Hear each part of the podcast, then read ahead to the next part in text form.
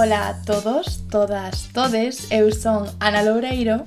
Eu son Marta Tiago. E isto é...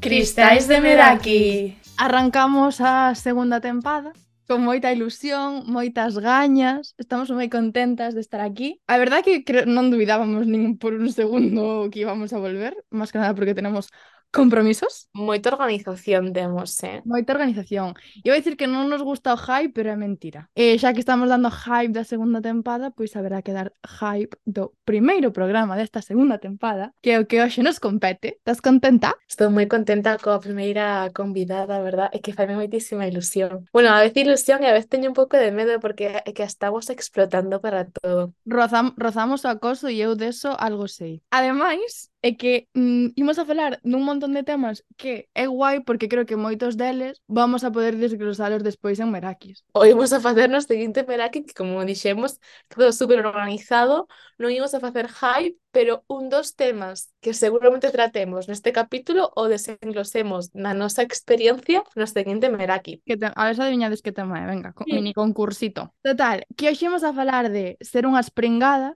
imos a falar de un pouco da festa en Compostela, un pouco do instituto, un pouco da escola, porque somos esa niña de la escuela, la que no te gusta. Qué canción de mierda, ¿eh? Qué canción de mierda. O sea, Lola, yo de verdad, o sea, eu de verdade que encántame a maioría de cancións de Lola, pero que esta en concreto estoy hasta a cola. Pero eso, que será un programa moi guai. Pero, mm, pero bueno, Marta, xa basta de facer hype. Podes, por favor, presentarnos a nosa convidada? A nosa convidada Belén Puime é unha rapaza coruñesa graduada en Comunicación Audiovisual pola nosa querida Facon, eh, que queremos un montón, un beso Facon. E a pesar da súa corta idade eh, ten unha ampla experiencia no mundo visual independente como creadora e directora da webserie Pringadas, que quen sabe, igual mm, remata con mestre Mateo. Pringadas foi premiado no Carballer Play 2021 pero non é o seu único traballo. Ela participou como conductora na película All Radiant e como xefa de Don Alza Trela. Con este currículum, Belén, hai altas probabilidades de que sexas a próxima eh, entrevistadora de Harry Styles e tamén pode que nos quites o posto para presentar as badaladas en algún ano, pero bueno, non pasa nada porque a seguinte seremos nós. Podemos facelo as tres. Sí, sí, eso de que as tres son multitude, non. Pois, bueno, antes de empezar coa entrevista, bueno, que non entrevista, non sei porque sempre te digo entrevista. Coa charla. Coa charla metemos a, a careta, así, nada, dentro careta. Cristais de Meraki, con Ana Loureiro e Marta Tiago, un podcast tarde, a cachos, pero con moito amor. A nosa dinámica de programa é que comezamos sempre con un test de Proust, así que imos a facer aí para romper o xeo estas preguntas iniciais. No, no, primeiro es, que tal estás? Bueno, non vale dicir nin, nin ben nin mal. Estou cansada porque, eh, bueno, rematei de currar ás cinco e media, creo, no meu traballo, sempre digo, o sea, xa isto está moi, moi maldito, pero sempre digo o meu traballo real e logo pringadas, o cal os dous son reais, non? Pero no traballo que, que dame de comer realmente rematei de traballar ás cinco e media e levo dende as cinco e media ata agora traballando en pringadas, así que dende as sete da mañá que levantei teño unhas olleras que, mm, pois non sei, necesito como sete anos de sono. Por o encantada de estar aquí. Encantadas nós de ter. Vale, ahora sí, o test de Proust. Vale, que isto de equivocarme xa empeza moi pringado, con lo cual perfecto. Que era de Taylor Swift a túa vida amorosa? Creo que agora mesmo, dende xa fai tempo, 1989. Que é cando non ten mozos. Así que creo que agora mesmo esto, creo que pasei por moitas, eh? O sea, xa creo que non podo definir toda a a miña vida eh, amorosa cun só disco, pero agora sí que é verdade que levo xa anos estando en 1989 moi contenta e disfrutando moito da vida. Así que sí. sí, ti, ti en cal estás? La mismita. Ti tamén estás en 1989? Empatizo totalmente. Eu creo que a miña etapa favorita, esta que eu estou agora mesmo en un lover, en plan super lindo, super todo, eh, creo que a miña etapa favorita é Reputation. Eh, Reputation, a mí como disco y como tour, sí, pero Reputation grita, vete a un psicólogo, sabes? En plan, é como unha, unha etapa un pouco dura. Sí que é verdade que atopou a John Alwyn eh, nesa etapa, en plan, atopou ao amor da súa vida, o cal estaneamos, pero estaba malita. A que empatizo bastante con esta época de Taylor, porque me encontrei a meu John Alwyn no momento de Reputation, entón, sí, empatizo bastante. Eu creo que o que máis mala de Taylor Swift é que permite que estilos de personas diferentes e momentos diferentes conecten igual con cada unha das súas etapas, porque sí. a miña favorita sería folclore. A min folclore axudoume moito na pandemia. Creo que está moi ben, ademais, ou sea, escollido o momento de sacar folclore, porque sí que axudábate como moito a, a xestionar un pouco todas estas cousas que estaban pasando. Era un pouco como triste e de rememorar moitísimas cousas e, e un disco tocho, o sea, un disco heavy pero un disco que tamén te destroza bastante emocionalmente Seguinte preguntiña Personaxe máis ringada da historia do cine Qué difícil, la historia del cine. Em, Vou dicir é que non é pringada, pero non ten, agora sí, cos anos, pero a xente, Sharpay, non, o sea, High School Musical, vale, as, as nenas queríamos ser Gabriela, porque Sharpay, como era unha rapaza que tiña confianza en si sí mesma, pois quería loitar por o seu soño de ser actriz de Broadway, e chegaron estes pavos aí, coa súa movida romántica, a quitarlle o posto. E todo o mundo odiaba Sharpay, cando Sharpay realmente era a verdadeira protagonista desa película. Entón, a pobre é unha pringada, entre comillas, porque nunca tivo eh, nunca se lle valorou tanto como como deberíamos tela valo- valorado. A Sharpay fixo moi favor a película que fixeron solo dela, porque aí Sí, víase sí. como ella estaba con ambición sexual e a que a vida non poñía fácil. Los directores eh, les en, o sea, encantou esa idea de rivalizar a dúas mulleres cando, en plan, aquí, nuestro querido Zac Efron era un tonto del culo, el cual era muy pesado y no tenía sangre ninguna y estaba rebalsando a dos mujeres sin tener nada de eso. Literalmente romance entre Gabriela e Sharpay para min Sí. tería sido o pic desa película. Na película 2, Chad, eh, como se chamaba, o irmán de Sharpay, estaban xuntísimos. O sea, I Don't Dance é realmente para min unha metáfora de sexos. Tiña moito medo ao éxito e moito homofobia, pero moito medo ao tamén. O programa poñías na tele a merendar unha pequena. Pois Disney Channel. É que eu son unha nena moi pija. Eu tiña Disney Channel antes de que fora aberto. Disney Channel 24-7, en plan, o que fora. Probablemente a hora da merenda o mellor era, non sei, Hotel Dulce Hotel ou algunha destas. No, eu poña Creo que daquela era primeiro puñas como comenzaba bastante pronto. Hombre, nada máis tarde a mentada tibecona.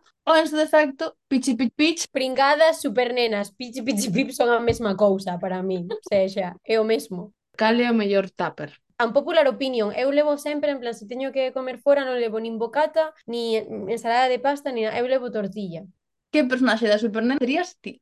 eu creo que volvemos ao mesmo en plan. Eu quería ser pétalo, pero creo que son cactus. Teño bastante mala hostia. E cactus é bastante sensata. Ten mala hostia, pero é sensata. Entón, eu creo que son cactus. Pero igual que en Pringada son Antía, que é a referente de cactus. Así que, sí.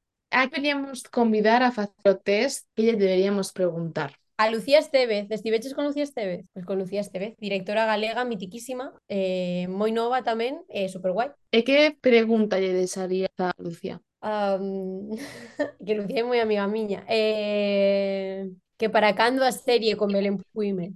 Pois arrancamos co programa en sí. Fai dous días estiveches en, en Boiro. Que tal foi? Moi guai, moi guai. Ia un pouco asustada, era o primeiro bolo despois de moitísimo tempo. Sí que é verdade que cando actuamos en Santiago íamos un pouco máis confiadas porque ao final pois sempre veñen máis amigos, máis, pero en Boiro pasaba un pouco de que era como aventura, en plan a ver que pasa, e tamén por iso estivemos como moi pesadas polas redes. Cheguei a la con cero expectativas, pero a verdade é que enchemos o sitio, o sea, che, eh, chegou como moitísima xente nova, eh, super super receptivos con todo, e logo ata quedaron, pedironme que lles firmara autógrafos, o meu soño outro día en Boiro, así que super super ben.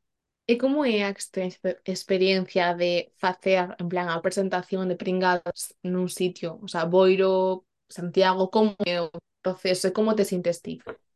Creo que moitas veces pasa que tampouco teño como moito tempo, o sea, a primeira vez que, que nos presentamos a, a serie eu tiña moi, foi en Carballo, foi cando foi a estrea, fai xa pois en abril, vai facer un ano en pouquiño.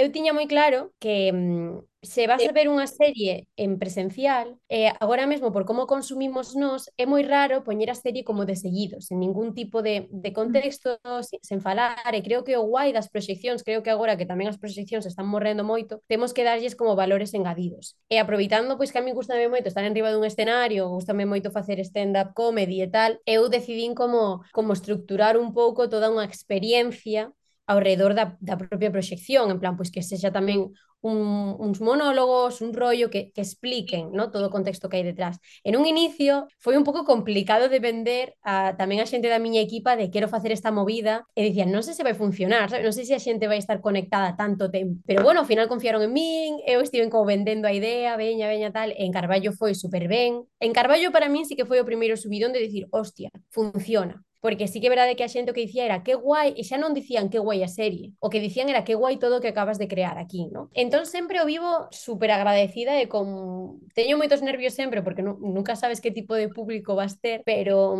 pero sempre sae ben e sempre o vives un pouco como main character energy. Eu sempre as miñas compañeras de piso aquí de Madrid que saben que estes días estaba un pouco tristona, agora que volvín de Boiro estaban como, ai, que feliz estás, Belén, sabes? Eu sí, porque a verdade é que me sube moitísimo autoestima. Eu que teño moito síndrome de impostora xeralmente mentres fago os monólogos por dentro estou super nerviosa dicindo ai, isto non fai gracia, non se están rindo, pero logo cando ves a resposta final da xente que sí que ven, que fala contigo, que pois que comenta, que dache feedback, é super positiva e eu estou extremadamente agradecida, nunca pensei que isto fora a pasar. Cando estás facendo a, a proxección, ao mesmo tempo tes que loitar contigo mesma para que ter non ter estímulos así, igual que a xente un fen. Como eres ti capaz de ir loitando a vez que, que interactúas, a vez que presentas. A ver, o medo escénico teño bastante traballado porque sí que é verdade que eu dende os sete anos fago teatro. Dende moi nena xa aprendín como, vale, a estar un escenario. E a mí pásame unha cousa, eu sempre que actuamos en escenarios grandes estou super tranquila, non miro os ollos a xente, non podo porque os focos pois non me deixan ver. Pero máis cando actuamos en sitios máis pequenos, como foi mm, Boiro, por exemplo, ou como foi Pontevedra,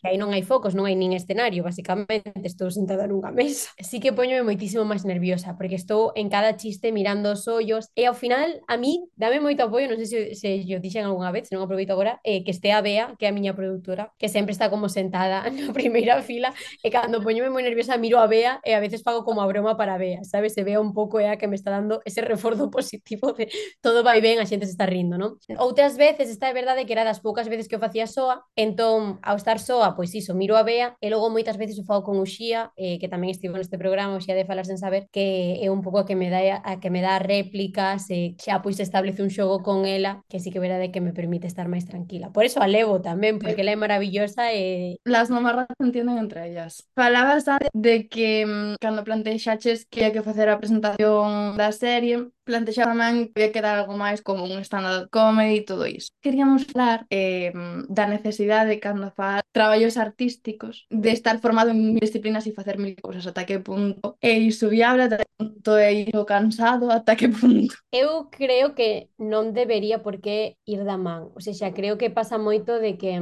no meu caso, o sea, o feito de facer a serie e logo facer a stand-up e logo tal, ven de que non, non, non faría unha proxección de outra maneira. Unha vez probei a facer facer a, a proxección de outra maneira, simplemente eh, poñer os episodios seguidos e logo facer un coloquio non me gustou nada. En plan, eu non disfrutei eh, tanto como outras veces. E sei que esa é a maneira que eu teño de proxectar a miña serie e a maneira con que me sinto cómoda. Sempre digo que o proxecto pedirá como é a forma de ser exposto. O que sí que non nos podemos exixir é tampouco ser a artista perfecta 360 ou a directora perfecta 360. Que isto pasa moito, e desgraciadamente tamén pasa moito máis nas mulleres creadoras, porque sempre tens que ser perfecta, non? Ten unha presión que eu tamén sinto, no? De Tes que ser guapísima, tes que ir vestida super ben, tes que mm, facer un show increíble, tes que saber comunicar ben, tes que saber ser directora, tes que saber utilizar a cámara, tes que saberlo todo, ¿no? Cando non ten por que ser así, ou seja, cada un ten o seu talento. Creo que ás veces cando queres abarcar moitas cousas, tamén podes acabar de que non podes máis ou de que acabas frustrada porque non eres capaz de dar o teu 100% a todo. Para min o principal é entender o que a ti como creadora realmente gusta che facer e potenciar iso. Ligado a esa perfección, creo que xera facer tantas cousas, querer facer ou esa ansiedade de se es que non, non estou facendo tan ben como creo. Con Pringadas non houve moito tempo para pensar, porque Pringadas fíxose moi rápido. Polo tanto, tampouco podía me permitir, non, non puiden quedarme a mirar o guión e dicir, ai, non me gusta, non, non tiña tempo para iso, sabes? Era como, vale, primeira versión de guión, vai, alá vai. sabes? Agora pode que sí que tivera cambiado outras cousas ou dirixido algunha cousa distinta, pero non me raya demasiado, porque o resultado foi guai, o cal, polo tanto, eu é como, bueno, vale, funcionou. Sí que é verdade que eu creo que o feito de querer facer moitas cousas ou de estar facendo moitas cousas a vez acaba facendo que teñas un cansancio creativo moi heavy, non? En plan, eu agora mesmo pois eu estou traballando nunha produtora, teño so, estou super agradecida, teño moitísima sorte porque eu estou traballando do que do que realmente estudei, diei en un departamento de, de creación, e, é super guai. Claro, e, e logo que son máis como os proxectos personais, como pringadas, sí que é verdade que mm, eh, eu non podería estar facendo como outro proxecto de ficción agora mesmo, tería que pechar pringadas e logo empezar a, a, a escribilo. Cal tamén agora penso, cando vou escribir se realmente estou traballando oito horas diarias noutro lado, non? E sí que é verdade que chegas a un punto de, de cansancio, de estou farta, non quero loitar máis. Tamén vai moi asimilado ao concepto da loita. Hai moita xente que pois que me pregunta, non? Por que non pido a, máis axudas? Por que non fago, pois non sei, ao mellor máis traballo respecto á financiación de pringadas e poder facer máis episodios? Eu sempre digo de que non podo porque a miña saúde mental petaría e creo que tamén é moi importante falar disto e non ter un discurso hiperpositivo e dicir, ah, sí, conseguirémolo, porque non é así. A realidade é que agora mesmo é moi difícil financiar un proxecto como tal en galego eh, porque as axudas a webserie son 20.000 euros e eh, tes que facelo cunha productora, nos non temos unha productora, non nos, nos non podemos permitirnos ser autónomas. En Galicia hai moi poucas productoras que especializanse en webseries e que, por tanto, van querer contar con o noso proxecto e a isto súmase que os 20.000 euros que conceden a mí non me chega para facer a miña serie. Porque actualmente as webseries que están facendo a nivel profesional dende Place ou dende Fluxer están nos 200.000 euros, que contextualizado 200.000 euros é un presuposto moi baixo, pero é o mínimo que eu necesito tamén para pagar a miña xente porque eu non quero tampouco seguir un pouco mantenendo este círculo de precariedade que desgraciadamente hai no noso sector e máis respecto a xente nova. Sí que é verdade moi guai chegar a un punto de plantarse eu tampouco quero loitar máis se, se dende a industria non se nos está tendendo unha man, e se está pois asimilando un pouco todo o que pasa, no? E tamén un pouco este tema de reivindicación de estou moi cansada e tampouco podo facer isto soa, porque eu ademais creo moitísimo na unión de, das persoas máis maiores que están na industria que xaben como funciona e os creadores novos, creo nesta unión. Imos eh, agora falar sobre ser unha pringada, pero antes de falar de, de pringada, de ser unha pringada, adolescencia así, tes medo a que se te, se te encasilla a ti Belén Puime como pringada e xa e non te den pé a outros campos? Non, e se só me encasillan como de pringadas estaría extremadamente orgullosa fixemos cousas moi chulas e chegamos a moita xente, entón o feito de ser considerada como a creadora de Pringada para min é, un, é unha honra. E máis, en plan, Bea e máis eu probablemente registremos a marca e se algunha vez Bea e eu facemos unha produtora vais a chamar Pringadas. E logo, pois non o sei, non teño tampouco como ese medo agora mesmo existencial de que vai ser de min despois de pringadas. Agora mesmo eu estou tamén traballando facendo un programa para TVG, estou facendo máis cousas e tamén está sendo baixo a marca pringadas, así que creo que non, porque de momento está sendo o meu confort zone. Que guai facer un proxecto que teña tanto éxito objetivamente e do que estás tan orgullosa. E foi sen querer, isto teño falado tamén moito de Jolín. Hai moitos proxectos que eu fixen desto de que é super organizado, non sei que, ta, ta, ta, e non saen. E xusto pringadas que foi moi moito de desafogo, de bueno, tal, non sei que, bueno, bueno, bueno, un boom, non? E... Eu creo que foi precisamente por iso, porque era un desafogo personal do que moitísima xente... Sí, case sen querelo, ao final, non sei. Vale, pois agora que estamos super metidas xa en materia, que é ser unha pringada? Eh, para min é ser o contrario a, ao concepto da muller perfecta en todas as posibles definicións. Eh, dende nena se nos establece un rol é un pouco, eu sempre, sempre viví como que as persoas que saen fora dese círculo, que é o que se supón que tes que ser son unhas pringadas, non? Eu era unha pringada, vale? Pero eu non quería asimilalo e dábame como moita rabia. E cando cheguei á universidade, pasoume, pero tamén de outro xeito, en plan, ti cando estás na universidade, de repente como muller que eres, pois estás por primeira vez soa, estás enfrontándote a un montón de situacións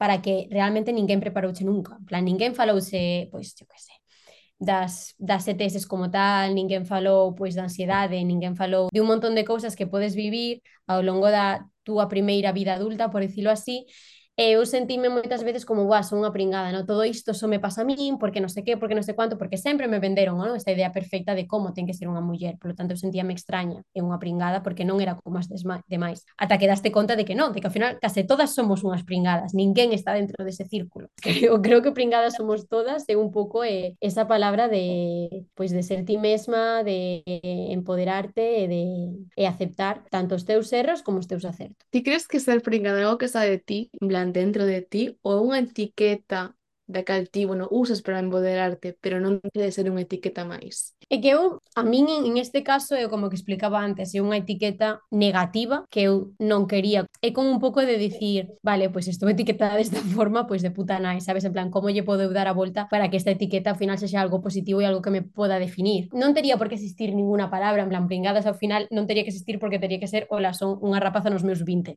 Fin. É como o mesmo de eres unha, eres unha puta ou eres unha zorra. Chega un punto de que eu dicía, mira, pois sí, pois se ser unha puta significa isto, eu sou unha puta. Estamos de as pringadas e, e falabas tamén desa época adolescente, na época complicada, non? Como, como uh -huh. foi a tua época do instituto? Nunha palabra. Uf, horrible, completamente terrorífica. Hai moita xente que, como eu son unha rapaza moi extrovertida eh, e non teño medo escénico, non sei que, cando falo de que eu sufrín bastante acoso escolar, sobre todo nos en segundo e terceiro da ESO, sorpréndese moito. Plan de, ah, ti, que aí volvemos ao mesmo, cal é o estereotipo de unha persoa que ten que sufrir, sabes? É como atribúen a, ah, non eres gorda. E eu, ah, é que as persoas gordas todas teñen que sufrir acoso escolar, o sea, hai como, desgraciadamente, como un, un target específico Sí. que les marcan que son as persoas que teñen que sufrir acoso escolar, pero desgraciadamente acoso escolar pois pasa por moi, moitísimos motivos. No meu caso probablemente porque era a, entre comillas chapona da clase e a que, por dicirlo así tamén, desarrollou tardíamente. Entón, sumas as dúas cousas e era como a por ti, no? E, e sí que viví como eh, etapas mm, duras, pero tamén etapas guais. É dicir, eu tiven a sorte de con 16 anos puden pues, marcharme a Estados Unidos a estudar, eh, primeiro de bacharelato, foi o mm, creo que dos mellores anos da miña vida ata o momento mm, vivir esa experiencia, vivir estar realmente dentro de High School Musical. E creo que o feito de vivir esa experiencia con 16 anos, que é moi heavy agora se o pensas, non? De, de estar soa, eh, nun país estranxeiro completamente lonxe da tua familia, que ninguén fala o teu idioma, etc, etc, etc, ensinoume, isto é moi cliché, pero sí que é verdade, en plan, ensinoume moito como a vale, a, a, a mí mesma, ¿no? porque nunca estivera nesa situación e un pouco a construirme a min como adulta. Entón creo que a partir desa experiencia pois foi un pouco máis para arriba porque tamén collín autoestima e, ese un pouco forza en mí mesma. Pero previo a sí que foron un pouco unhas etapas mm, raras e sufrín momentos que agora os, os revisualizo e digo, hostia, pois que mal, non? E, eh, tamén é un dos motivos polo que eu, isto non sei se se o sabe moita xente, pero eu, eu o momento no que eu empecé a escribir pringadas, eu estaba sendo mestra de secundaria, porque eu fixen eh, o mestrado de educación secundaria tamén para ser profesora. Eh, é algo que a mí fascíname, eh, creo moitísimo na educación como forma de erradicar mm, basicamente todos os problemas sociais. Creo que moitos problemas do, do acoso escolar eh, radican en que non hai unha formación do, do profesorado e que realmente non, non se fala de, de moitos temas e, e de realmente as consecuencias que ten eh, nun rapaz adolescente que estaba nun proceso de autocoñecemento super heavy o, eh, o feito de que lle fagan bullying. Entón, a mí era un pouco como tamén de de volver a relacionarme cun instituto de outra forma, eh, que eu tiña, por exemplo, non me gustaban os institutos porque eu non pasei unha etapa boa nun instituto como tal, e o feito de volver a un instituto, pero volver como mestra, eh, estar coas rapazas, coas rapaces, falar, non sei que, reflexionar, eh, para min foi como una unha reconciliación super guai co, co miña adolescente de dentro e, e agora a tope. Por iso, ademais, encántame crear contido de adolescente, contido juvenil, porque a pesar de que a miña etapa foi un pouco así, a mí gustame moito e pareceme das... Creo que é, é moi erróneo sempre tratar a adolescencia como algo oscuro, bueno, é unha etapa complexa, pero na que vas tamén aprender moitas cousas e, e o máis importante é saber guiálos tamén durante esa etapa. Falamos das veces o mestrado, que, que moitas veces queremos quitar culpa porque moitos alumnos non son capaces de ver todo tal. Eu creo que é moi importante a vez que re, o sea, educamos as crianzas e as adolescentes para que non fagan bullying, que hai que saber detectar esas cousas, hai que saber erradicar esas cousas. Mm Eh, e non hai que infantilizar, non hai que minimizarlo. Acoso é acoso con 5 anos, con 25, estou de acordo, non debemos poñela como oscura, pero sí que hai que, o sea, que dir ti, en plan, hai que dicir as cousas como son, unha etapa complicada, da cal se sai, pero tamén é certo que hai que pôr o foco tamén en todos os actores que influen nesto. Ti que, pois, pues, de tu adolescencia. Eh, empatizo moitísimo co que estaba contando pero mazo. Evidentemente sempre é chungo recibir acoso, pero moi chungo recibirlo non eres o perfil canónico que o recibiría, porque eh, atopas moita incredulidade e moi pouco acompañamento. É que creo que cuando, sobre todo cando eu estaba no instituto asociábase moito, agora o concepto do bullying pois xa comeza a comprenderse máis, pero cando eu era bullying a xente o, o acoso escolar como tal o identificaba máis como a pegar. E a min non me pegou ni, nunca ninguén. Recibir X comentarios ou X conductas ao mellor de rexeitamento por parte dos teus compañeiros, eh, por parte do centro non se lía, es tanto como é acoso, porque non me estaban pegando, sabes? A mí non me rinconou ninguén nunha parede empezaronme a pegar, non, para nada. Eu o que recibieran X pues, pois, rexeitamento, e que os comentarios, e que tamén e que vou dicir unha cousa, en plan, é que o feito de, de eu tampouco querer asumir iso, ao mellor eu, en contadas ocasións, tamén rexeitei a outras persoas, porque diste, ah, non, non quero ser unha pringada, non quero que me relacionen con outra persoa. Estás sendo ti unha cabrona, e ao final o que acabas facendo é rexeitar a, a unhas persoas que ao mellor están na mesma situación que ti, e obviamente non poder estar cos guais aos que tanto aspiras chegar,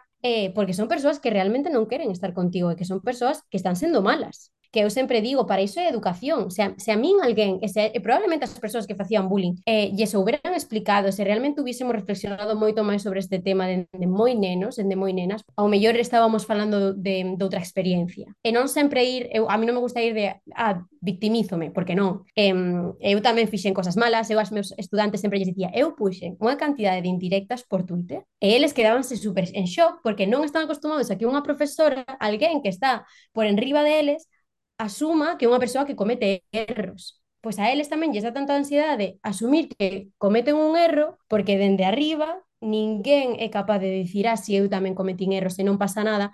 Eh, o importante é pois aprender desos erros, construir e saber o que está ben o que non está mal. Estás nunha etapa na que é normal. E iso é guai, porque a partir dese discurso é cando ele realmente din, hostia, pois ao mellor eu estou facendo o mesmo. E ven a falar contigo, che, ti cando non sei que, ta, ta, ta. Porque é de repente un entorno seguro es, non se sinten hiperxulgados. É que é moi forte en plan do da mestra como es tan intocable, tan perfecta, pero pode ser totalmente o contrario. É que eu creo que hai totalmente os dous tipos. Ou é unha figura de autoridade super afastada de ti ou é a primeira persoa que vas a ir a decirlle es que eu tive profesores realmente a los que prefería non volver a verles la cara porque mm, mm, e logo tive profesores que sigo falando a día de hoxe con eles era un espacio seguro que ninguén me deu nese contexto. É verdade, é que tive unha profesora, tú era de segundo bacharelato, eu, bueno, sufría bastante de perfeccionismo de ligado con ansiedade, eh, pois de querer ter notas perfectas, eh, de ter ataques, de estar chorados por tres, de, de non dormir, non comer, etc. O sea, a mí empezame con esta profesora en conto que era unha persona como unha figura super, super recta, moi rotarmeyer, E cando esta muller chegou, como que baixou en plan do pedestal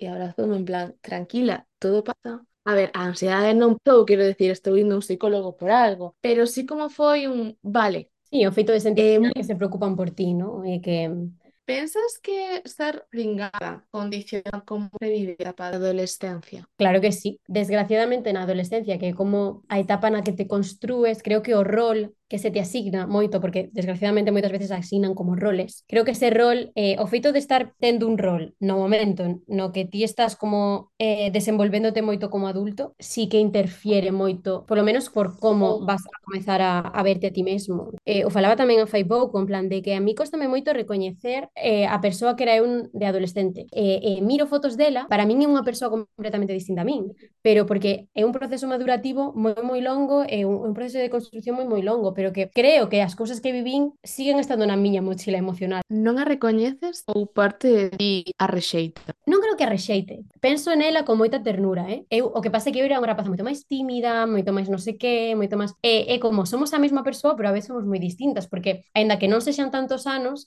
sí que é verdade que son anos de moito cambio. A mí pasa algo me parece o ano pasado, que tiven unha crisis existencial moi heavy, porque tive un proceso disociativo moi, moi tocho, entre a persona que me convertí cando cheguei a Santiago E a Xa. persona que vou ao instituto. Tive un proceso de disociación de personalidade tan heavy que nin me recoñecía antes, nin me recoñecía ahora e non- como que Non entendía absolutamente nada quién soy, el universo. ¿Soy real o acaso soy un muñeco aquí posto e todo de parte de un, dun soño absurdo? Sí. Eu sentino máis cando rematei a carreira, e que a día de hoxe xa non tan heavy, pero sí que é verdade que sigo aínda con esta ansiedade. Claro, vos aínda estades na carreira. cando deixas a carreira, sobre todo as persoas pois, como nós, que somos moi perfeccionistas e que sempre seguimos o, cam o camiño marcado, eu sempre traballei como super duro para todas esas pautas que a sociedade iba marcando e tiña que seguilas, non? Saco mellor nota, entro en comunicación audiovisual, ou non sei que, ta, ta, ta. Antes era como ansiedade por conseguir o traballo, vale, guai. A ansiedade por facer os proxectos persoais, vale, guai. Entón, cando chegas ao punto de que realmente estás ben, porque es como, teño pringadas, teño traballo, xa son independente económicamente dos meus pais, en plan, todo vai ben, de repente como que faz a pregunta de, ahora que? De repente repente o camiño rematou, sabes? Entón é como, agora que é o que toca facer, sabes? Teño que casarme, teño que ter fillos, non sei. Plan, xa estás como perdida. E entras un pouco nun bucle de que é o seguinte, sabes? E sintes un pouco como rematou a vida, sabes? En plan, toda a vida ata que eu, o que me marcaron acaba de rematar. Estás un pouco perdida de teño que cambiar de traballo, teño que facer outras cousas, non sei, como lle dou algo a miña vida. E iso tamén ven, pois, desgraciadamente, do que nos marca a sociedade sempre, sobre todo as persoas como a nós, que como sempre, sempre, sempre, según todo o que se estipula que é o perfecto. Que motivo voy a encontrar eu agora para ter ansiedade? Que non un motivo que me busquei, vou decir, non estou aquí bromeando a situación, pero que non nos queda máis que mear sobre a situación. Eu, cando chera aquí, fixen como un borrón e conta nova. Marta de, de Zaito non existía. Partimos dunha base de que Marta de, de crianza está nun proceso de eh, hacerse amiga de la Marta da día de hoy. Pero a Marta de, do medio, en plan, a Marta de adolescente como que non existe. E isto ten ligado un pouco a que estamos falando antes de que, bueno, estaban os popus, están as pringadas, e ou estábamos a xente que non destacaba, solamente destacaba por ser a chapona e por ser amable con todo o mundo. E estaba nun proceso de non recoñecerme porque non me... O que dicíamos antes, fui unha cabrona, fui unha capria, fui unha tóxica. Creo que como moi recoñecer que era parte do problema por non facer nada e tamén por ser paternalista algunhas veces tío, porque estaba nunha posición cómoda e non fixen nada. Entón, estive en nun proceso que cando te aquí foi como, bueno. Así que voy a intentar ser unha versión premium, pero a Marta de antes sigue existindo porque está moi ligada coa Marta que veo, o sea, vuelve a súa casa en o fin de semana. Estamos nun proceso de curación, estamos en ello. Pero volvendo a Santiago, que supuso Santiago para ti? En plan, universidade. Creo que hai é máis autocoñecemento. Tamén cometer moitos erros e, e, e acertos, en plan, creo que ambas cousas. É un pouco rematar por definir o, a, que, a persoa que penso que son. Que non porque, non tes porque, o sea, e, e tampouco todas as etapas son bonitas, en plan, igual que non me gusta dicir que a, a adolescencia é unha merda, tampouco me gusta ir dicindo, ah, etapa universitaria é a mellor, tes que disfrutalo, porque non sei que, tes que sair, non sei qual, porque é super tóxico, estás como cunha presión, el FOMO, que a mí ademais teño un montón de FOMO, del, el FOMO é el fear of missing out, en plan, el, o medo de, de perderte as cousas guais que pasan, entón eu vivo dende, dende aquela con FOMO, dentro de non podo perderme nada, teño que sair todas as noites, teño que vivir un montón montón de experiencias que ao final tamén é tóxico. E que ao final olvidámonos ás veces de que a universidade eh, son 4 anos. Que en 4 anos pasan moitas cousas moi distintas todo o rato. Eu creo que no noso caso estamos como unha etapa, eu ao menos, estou como unha etapa no que estou en plan, sento que non estou vivindo a 100% esa etapa universitaria porque non unha persoa que saia moito de festa, nin que iba todas as experiencias a tope, pero a veces estou como, non sei se por, por intentar ser diferente e alternativa, non o teño moi ben claro, pero es como, bueno, non pasa nada, ya tendré tiempo después. ¿Después cuándo? Cariño, es que no- vale no te salir todos los días y vale que no quieras, eh, no tengas esa necesidad de vivir un momento universitario, pero cariño, vas a cumplir 21 años en 15 días. Mi amor, es que algo tienes que hacer. Eu que vou 25 xa, que cando xa chegas ao 25 que é a mitade, ollo, eh? Sí, creo que hai mm, o FOMO e todo o rollo, pero creo que ao final é máis como que me apetece realmente facer, sabes? En plan, apetéceme sair, saio. Apetéceme quedar en casa lendo un libro, quedo en casa lendo un libro, sabes? Non hai Creo que é tóxico ese discurso que tamén ven dunhas xeracións pois, dos nosos mm. pais, ao mellor, que hai moitos discursos de é a mellor etapa da túa vida, unha vez que remate esta etapa, a túa vida vai ser horrible, sabes? En plan, porque logo xa empezas a traballar e todo, pois non, en plan, as etapas son etapas, hai quen pode ter unha mellor etapa adolescente e unha etapa horrible de universitario, ou quen ten unha etapa horrible de, de adolescente ou de universitario, pero xusto cando comeza a traballar é super feliz. Son etapas, en plan, coñezo xente que durante a universidade non saiu nunca e logo de repente cando empezou a traballar e tal, ou entrou no máster, por exemplo, de repente mmm, a tope, porque nese momento el, el ou, ou sí que estaba eh, pois coas gaña, as ganas de sair, as ganas de sair ti non as podes forzar, o sea, Logo é se tes pois, depresión, se tes non sei que, que é outro rollo. O sea, non ten por que gustarche sair de festa. A min gustame sair de festa, pero sí que é verdade que hai, que hai veces que saio de festa por fomo. Pero sí que hai un punto tamén de que ás veces é difícil saber por que non queres facer determinadas cousas. Claro. Por exemplo, a min, pas, a min pásame que a mí que me gusta moito sair de festa, saio tanto de festa como me gustaría, porque eh, ligado a todo este perfeccionismo teño unha obsesión académica mega heavy que me impide sair de festa tanto como me gustaría. E iso tamén hai que tratarlo. Eso, eso ben ligado á perfección, o sea, eu debo dicir que estou orgullosa de como xestionei, e como meme sempre digo, hostia, eu gañei máis festas e logo gañei premio extraordinario de carreira, sabes, que era como, porque era mítica que aparecía de reenganche a absolutamente todas as clases, en plan, eu non faltaba ningunha clase. Sí que tiñas veces como ese sentimento de culpa ou de non querer ou de non sei que, que eu traballei como, va, venga, sabes, en plan, tamén está mal, creo que foi o motivo polo que tive que volver a psicóloga, querelo todo. Teño que ser ser premio extraordinario e teño que ser a que máis sae, sabes? Que como a día de hoxe, o digo como meme, pero é como, cariño, mi niña, non tens que ser todo, sabes? Pero é igual, en plan, agora eu teño a presión tamén de, teño que ser a que gaño o mestre Mateo, sabes? Que o, o Gallá gaño o mestre Mateo por milleiros de motivos máis alá de min, que o comentara tamén outro día en Apago Candil da TV con as rapazas que dicía, eu quero gañar porque ao final é que a industria nos coñeza e que pode ser claro. traballo para min como para os meus compañeiros. Pero sí que é verdade que logo hai unha voceciña detrás da túa cabeza que como tens que gañalo porque vai te definir como persoa e non te vai definir como persoa. Unido todo isto que estamos falando, en plan el run, eh, vida taria, nos os de Shore, vemos os de CAF como xente como super creativa, con moitísima, en plan...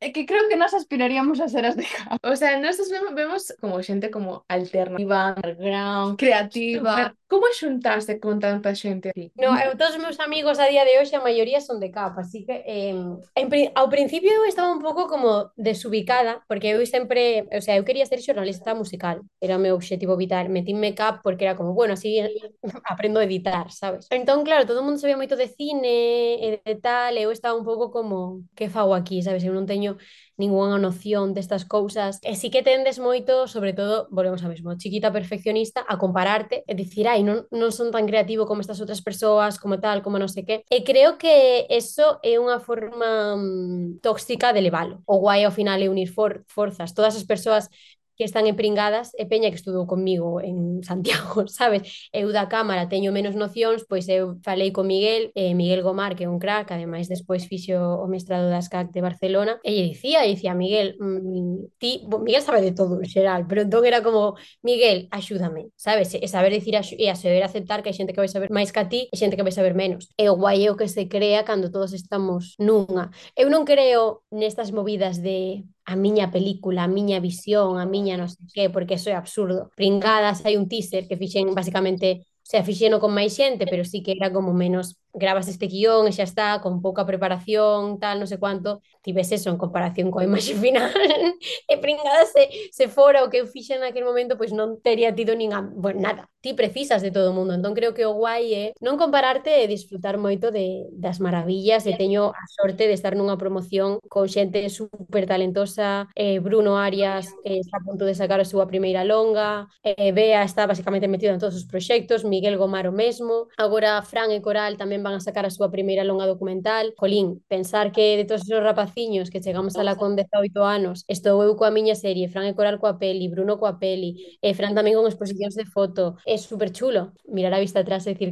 que non iría, eh, e tamén porque eu fun, a min, eu, eu levome máis coa xente de carreira, post carreira que na carreira en sí, porque eu tiña como un grupo de, éramos tres rapazas durante toda a carreira, e tampouco é que me que relacionase tampouco como moitísimo, e sempre tiven esta cousa de desaproveitei, no? ao mellor o feito de ter formado máis equipo, non sei que, pero sí que é verdade que eu era amiga de Bea, que é amiga de todo o mundo, Bea é a unión de toda a clase, unha vez que Bea entrou en pringada, xa trouxo como moitísima xente da clase con ela, e foi un pouco como un reencontro e, e e, volver a ser amiga de Peña con coa que ao mellor pois non era amiga ou non tiña relación dende primeiro de carreira. E de que agora vea e, pois mm, das, a miña mejor, mellor amiga da universidade sen ningún tipo de duda. Coral e Fran e xente coa que non tiña tanta relación agora, pois o ves dende outros ollos, non? Miña amiga Maite cando cando veu vir pringadas, ela ríase e dicía, ela chorou de emoción. E dicíame, chegasme a dicir a min fai dous anos que eu ia estar chorando nunha proxección túa? E diría que? Se eu non teño relación con esta con esta pava, pavas. Iso tamén o digo un pouco para quitar esa presión de que ao final as, as unións e as conexións chegan cando teñen que chegar. É como é montar un proxecto con amigos.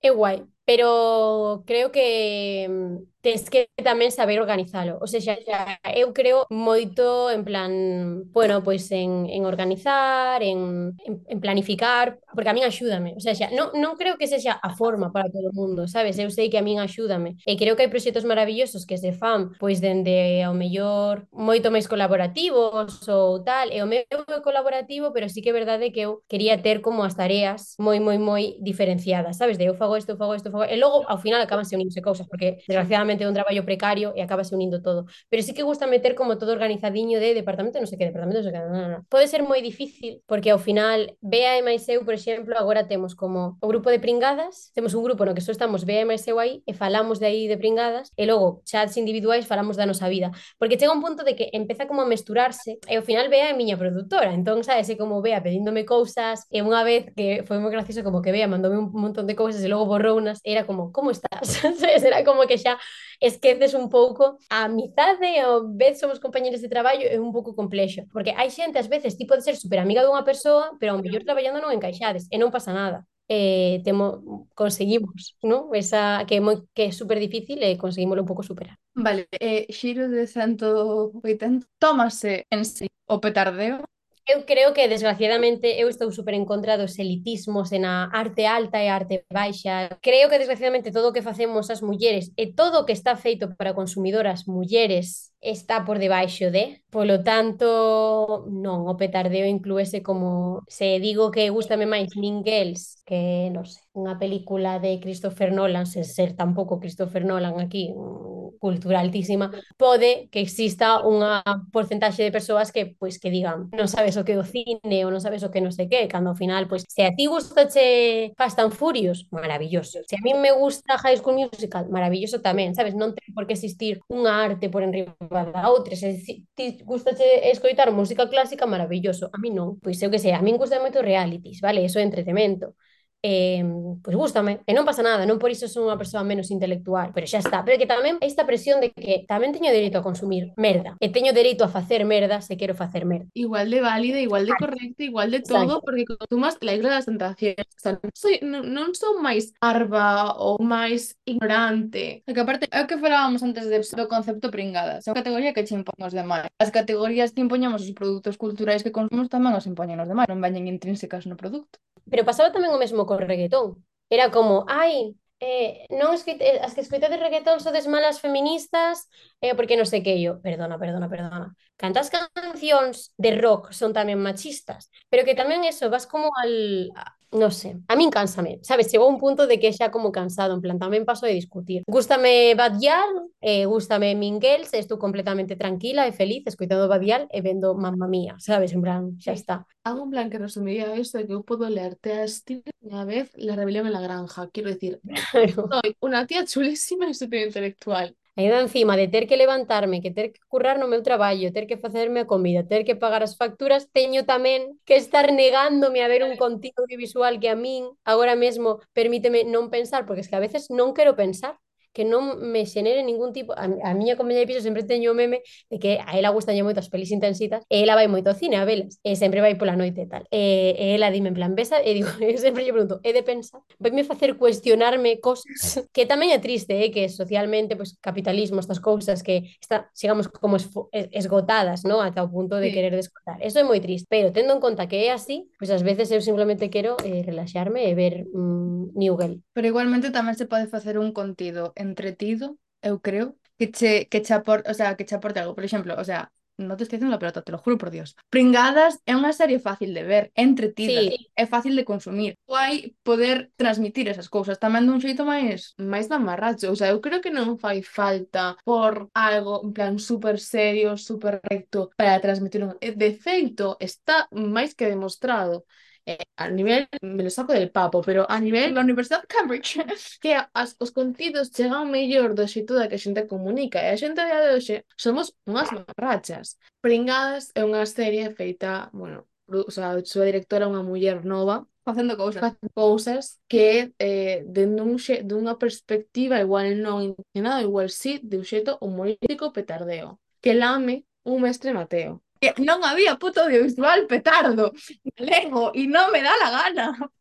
Con Pringadas eh, tiven a sorte de que en xeral toda a xente quiso como ver, porque era como algo moi diferente, entón era como, ostras, sabes, eh, é máis a nivel de que iso, en plan, e a min, por exemplo, cando estudiábamos referentes da historia do cine, costaba moito ás veces conectar, porque a min gustaba outro tipo de cine, gustaba moito digital, entón foi a raíz de que eu fun de, en segundo de carreira ao Carballo Interplay, eh, no que pois entendín outros formatos, entendín outro rollo, e ese rollo de repente validouse. Ese ano gañaron unhas compañeiras da facultade o premio proxecto e eh, eu recordo pensar esa vou ser eu. Acabei sendo esa persoa que eu pois quixen ser. A nivel xa xeral, no? todo o que está considerado como arte máis baixa, de repente pois está nominado a un mestre Mateo, no? é como jo que guai. Gustaríame tamén ter máis cartos e máis tempo para facela Igual esa, esa idea de máis cartos, máis tempo. Igual é unha idea que debería aplicarse non só da pringada, senón ao que é audiovisual en galego. Tamén estaría guai invertir, porque hai moitísimas ideas aplicadas eh, en Galiza de xente galega apoiar o que é a cultura, o que é a creación propia da casa. Eh, ao final temos a realidade que hai moitísima xente dedicándose a isto, moitísima xente con moitísimo talento, e polo tanto estás nunha competición constante, isto é así, en plan, polo tanto, entrar nunha plataforma é moi complexo. Por qué? Porque hai moita xente. Eu o que sí que sempre digo e reivindico, pois que todos os espazos que se creen para persoas novas, eh, todas as persoas novas que se poidan pois eh, incorporar dentro dun equipo, pois va a ser guai porque vai dar como unha visión distinta a que estamos acostumadas. Creo que o obxectivo, sobre todo en Galicia, pois é que se abran espazos tamén para que a xente nova poda contar as súas as súas historias, que temos axudas a webserie, que temos un mestre Mateo a webserie. E iso, sobre todo gracias a, a Sonia e a Sandra, eh, conseguiuse aquí. E tamén hai que valoralo, sabes? Igual que decimos cousas malas, hai que decir cousas boas. E sí que é verdade que, que en Galicia existe isto. Eh, eu, no outro lado, eh, pois non tería esta oportunidade que estou tendo agora e por iso estou tan agradecida. Pero eu sempre estou a favor de que se pois que que des, que pois que teñamos máis traballo en Galicia e que non todas teñamos que vir para Madrid, porque ao final estou en Madrid traballando, que me debe comer en Madrid. Vale, quero pechar o programa de hoxe recordando unha cosa. Hai máis dun ano entrevistábamos a Uxía por primeira vez para o podcast e Uxía recomendounos que entrevistáramos a Belén Puime. Grandísima recomendación, las... ah, claro. E agora vuelve a empezar o ciclo. Sí. é nada, ata dentro de dúas semanas. E a consumir moito audiovisual galego. Sigamos as primadas. Sempre.